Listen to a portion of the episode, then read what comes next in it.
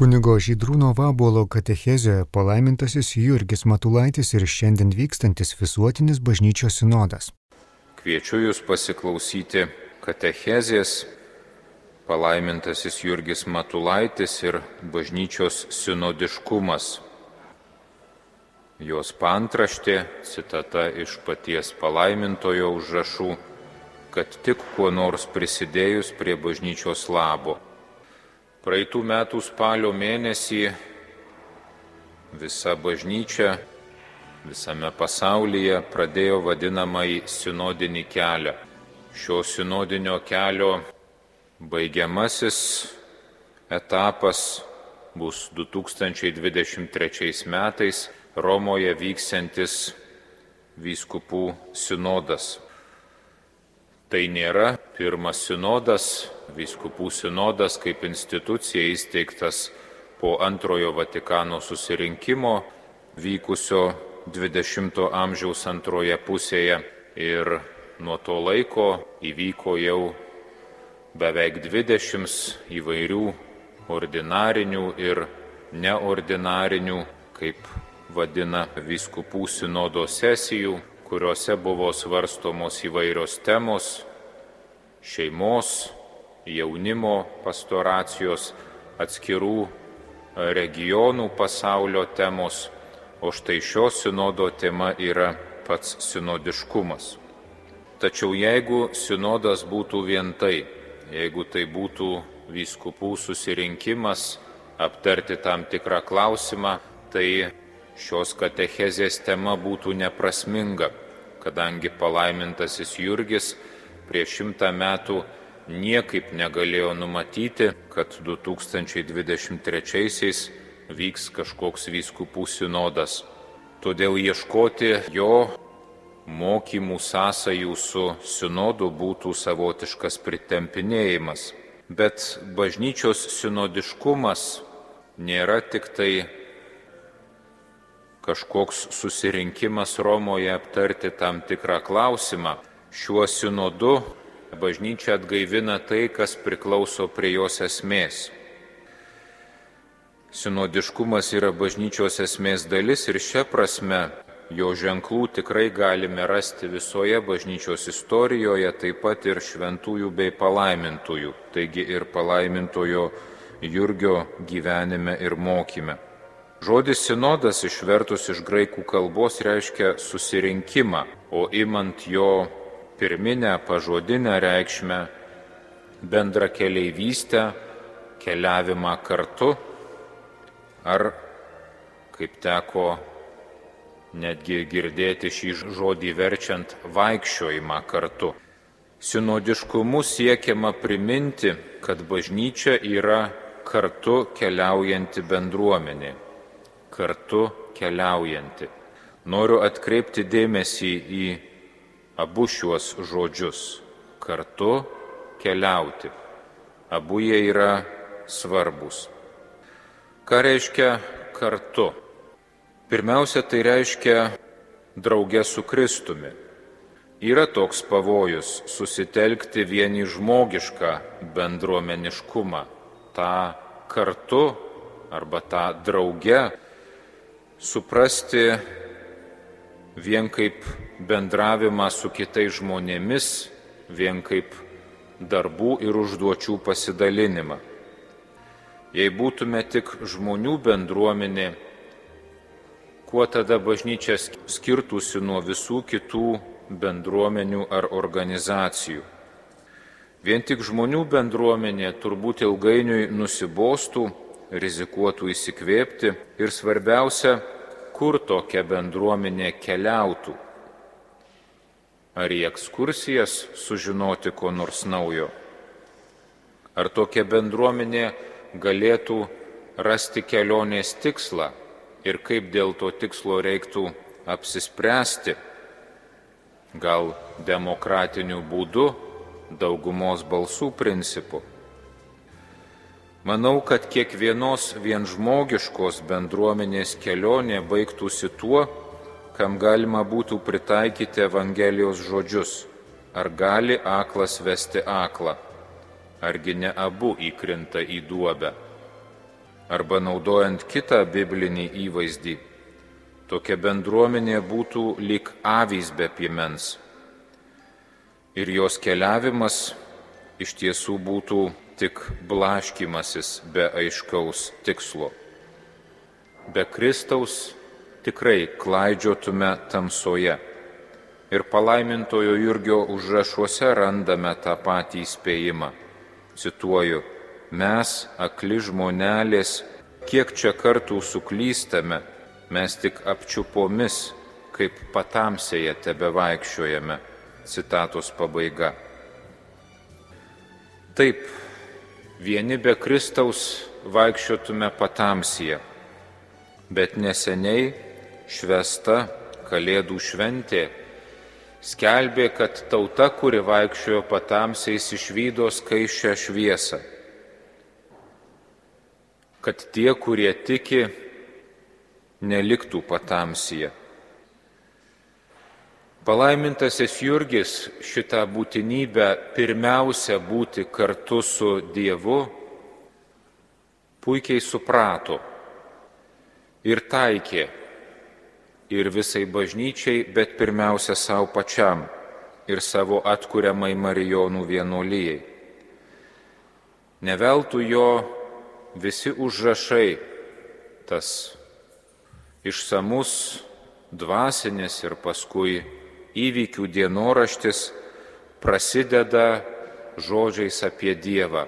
Antras jo dienoraščio sakinys, antra eilutė skelbia taip.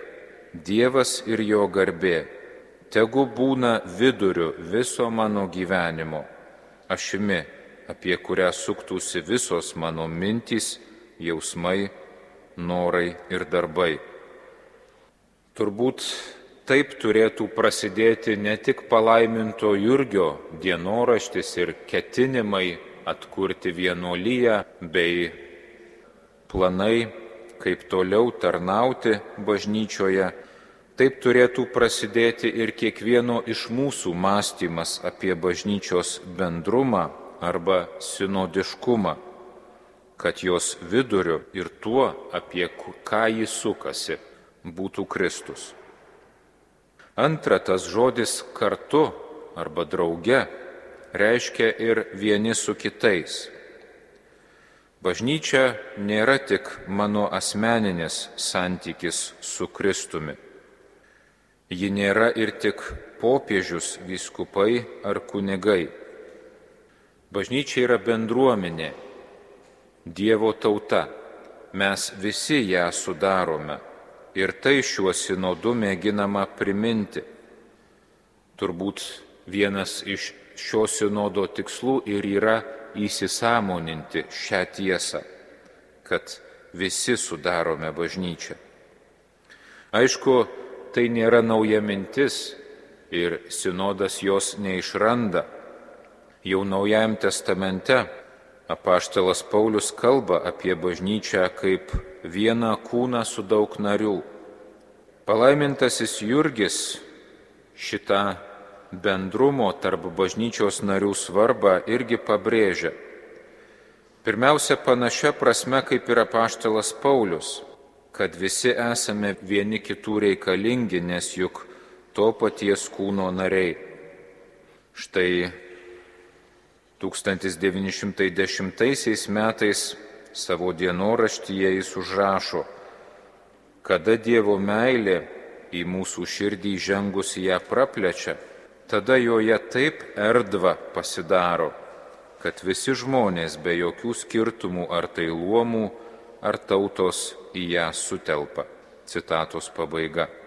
Palaimintojo gyvenime šitas širdies erdvumas tikrai matėsi. Pavyzdžiui, kad ir iš jo vyskupavimo Vilniuje laikotarpio, kai jis stengėsi būti ganytojas visiems, nepriklausomai nuo tautybės ar religijos, ir jo širdie tikrai buvo erdva, kaip jis sako, ir užteko vietos kiekvienam.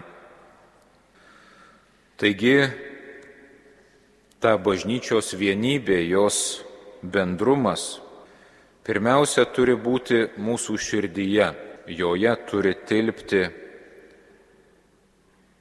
įvairių žmonės, kiti bažnyčios nariai. Ir tai nepaprasta,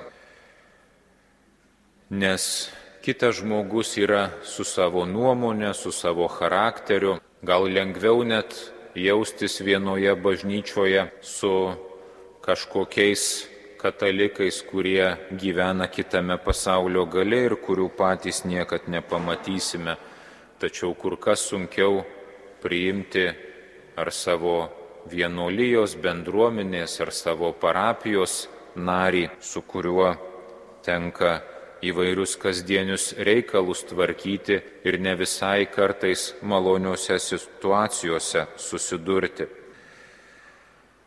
Palaimintasis Jurgis puikiai supranta šitą žmogišką sunkumą priimti kitą ir mylėti į savo širdį. Jisai kalba apie tris tarpusavio santykių pakopas. Pirmiausia, sako, reikia vienas kitą pakesti, tada gerbti ir tada tik trečias etapas jau mylėti. Cituoju, Žmogiškas silpnumas yra toks, kad pirma, nei pradėti kalbėti apie meilę ir jos praktikavimą, reikia išmokti vienas kitą pakesti. Tai pirmas žingsnis link to, kad sukurti Dievo atmosferą, kad statyti namą Dievo dvasioje. Privalome vienas kito atsiprašyti ir vienas kitam atleisti. Antras dalykas - tai tarpusavio pagarba. Ta abipusė pagarba vienas kito gerbimas yra būtinas, nes tai yra moralumo, etikos ir meilės pagrindas. Tik įveikus šias dvi pakopas - vienas kito pakentimą ir tarpusavio pagarbą - galima žengti į trečiąją abipusę meilę. Citatos pabaiga. Taigi, tas bažnyčios bendrumas būti kartu su kitais pirmiausia turi dvasinį aspektą - mylėti kitą žmogų ir priimti į savo širdį. Kartu tame yra ir veiklos aspektas - reikia mokėti ir kartu veikti. Palaimintasis nuolat kalba apie kitų žmonių pasitelkimą Evangelijos skelbimui ir bažnyčios darbui. Štai kad ir vienas pavyzdys iš jo užrašų.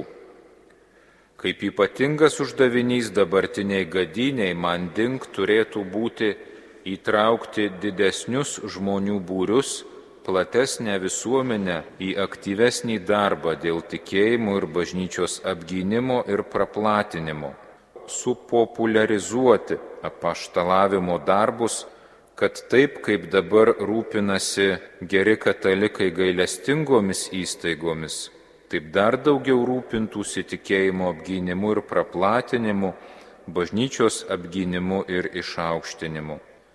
Kiek čia gero galėtų padaryti pasauliškiai vyrai ir moters, jie galėtų ten įnešti Kristų, kur mes kunigai net nepreiti negalime.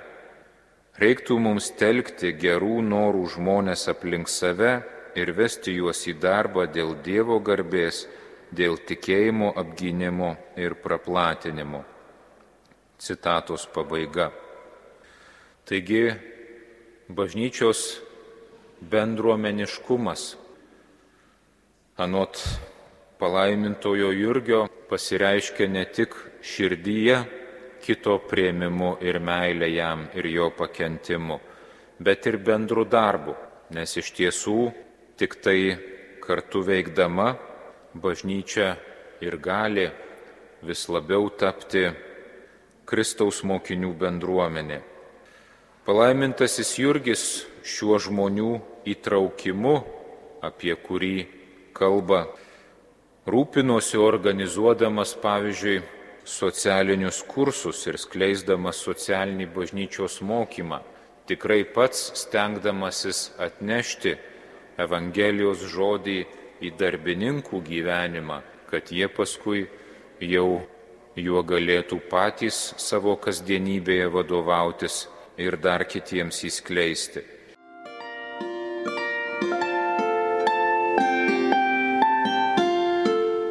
Jūs girdite Marijos radiją.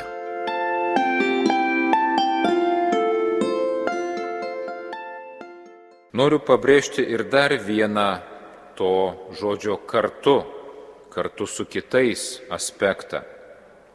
Kaip minėjau, tai reiškia kitus priimti, mylėti ir suteikti kitiems erdvės veikti. Vėl prisimenant apaštalo Pauliaus žodžius, niekam Ne vienam kitam Kristaus kūno nariui negalim pasakyti, man tavęs nereikia. Bet tame pačiame tekste, tame pačiame laiške apaštalas įspėja ir dėl kito pasakymo. Niekas negali sakyti, jeigu aš neranka, tai nepriklausau kūnui. Kitaip sakant, negalima ne tik kito iš bažnyčios kūno, iš jos bendrystės išstumti, bet ir negalima pačiam iš tos bendrystės pasišalinti. Ne vien kitam negalima sakyti, man tavęs nereikia, bet negalima taip pat bažnyčiai sakyti, tau manęs nereikia. Ta prasme, apseisi, išsiversi ir be manęs. Tegu kažkas kitas tavo kūną gyvą palaiko. Tegu kažkas kitas mišiuose dalyvauja, į giesmės įsijungia, į talkas ateina, karitatyvinius darbus dirba, sinodinio kelio klausimus apmasto ir jais dalinasi. Tegu kažkas kitas, man tai nerūpi. Tokia pozicija irgi pažeidžia bažnyčios bendruomeniškumą, jos sinodiškumą. Šios katechezės pantraštė, kaip minėjau, yra sakinukas iš palaimintojo užrašų, kad tik kuo nors prisidėjus prie bažnyčios labo. Ir šis sakinukas liudyja apie paties žmogaus nuostatos prie to labo prisidėti būtinybę, apie būtinybę, kad žmogus norėtų trokštų prie bažnyčios labo prisidėti. Jeigu tokio noro, tokio pasiryžimo nėra, gal sinodinis kelias padės jį sužadinti. Tačiau jeigu yra priešinga nuostata, aš nepriklausau kūnui, tai kažin ar kas iš išorės, net ir popiežius su savo sinodu pajėgs tokią nuostatą perlaužti. Tokia atsiskyrimo pozicija skaudi ir kenkia ne tik bažnyčiai, bet ir pačiam žmogui. Palaimintasis Jurgis sako, kad ji žmogų uždaro tarsi kalėjime. Vėl cituoju iš jo užrašų. Ar šiasnem esi žmogus kalėjime ir ištrėmime, kai kaip tas liekas įsitraukęs į savo dėžutę lindai, miegi ir nieko neveiki. Bijaisi, kad kiti tavęs neuždarytų į kalėjimą ir neištremtų, o tu patsai save uždarai į aršesnį kalėjimą, į susnūdimo, nieko neveikimo, tamsią nakčia apgautą kalėjimą, kur turi žmogus pradėti gesti ir pūti Tu pats save tada išvarai kalėjimą, nes save atskiri nuo būrio tikrųjų veikliųjų bažnyčios darbininkų. Save atskiri nuo būrio bažnyčios darbininkų, reiškia nuo bažnyčios bendruomenės. Ir toliau palaimintasis rašo, kas liūdniausia, kad šitame pastarajame kalėjime ir ištrėmime žmogus ilgai begyvendamas turi pradėti gesti ir pūti nes priseina jam gyventi be Dievo, o dažnai ir prieš Dievo valią. Citatos pabaiga. Taigi ir šią prasme esame kviečiami nepažeisti bažnyčios vienybės. Tai yra patys nuo jos neatsiskirti. Apie tai tarp kitko kalba ir penktasis bažnyčios įsakymas, kurį mes esame išmokę kaip savo bažnyčios laikyti arba savo bažnyčią išlaikyti padėk. Ir dažniausiai šitą įsakymą suprantame kaip finansiškai paremti kunigus, bet padėti išlaikyti savo bažnyčią kuri nėra tik pastatas ir institucija, bet bendruomenė, reiškia pačiam tos bažnyčios kūne būti ir savęs iš jo neišplėšti, nes jeigu save patį iš tos bažnyčios kūno išplėšiu, tai skauda ir Kristui, kurio kūnas yra bažnyčia ir man pačiam, kaip šakeliai atskirtai nuo vynmedžio ir pasmerktai sudžiūti ir patekti į ugnį. Staptelkime ir prie kito žodžio - keliaujanti. Aptarėme žodį kartu, dabar aptarkime trumpai žodį keliaujanti. Popiežius Pranciškus sako, jeigu bažnyčia nebekeliauja, ji tampa nebe bažnyčia, o miela sena draugija. Čia būkime atidus. Bažnyčios kelionė nėra vaikščiojimas. Aš tyčia katechezės pradžioj pateikiau ir tokį žodo sinodas vertimą - vaikščiojimas kartu. Ir nesutinku su juo, manau, kad jis nėra teisingas. Bažnyčios kelionė nėra vaikščiojimas ar vaikštinėjimas be tikslo.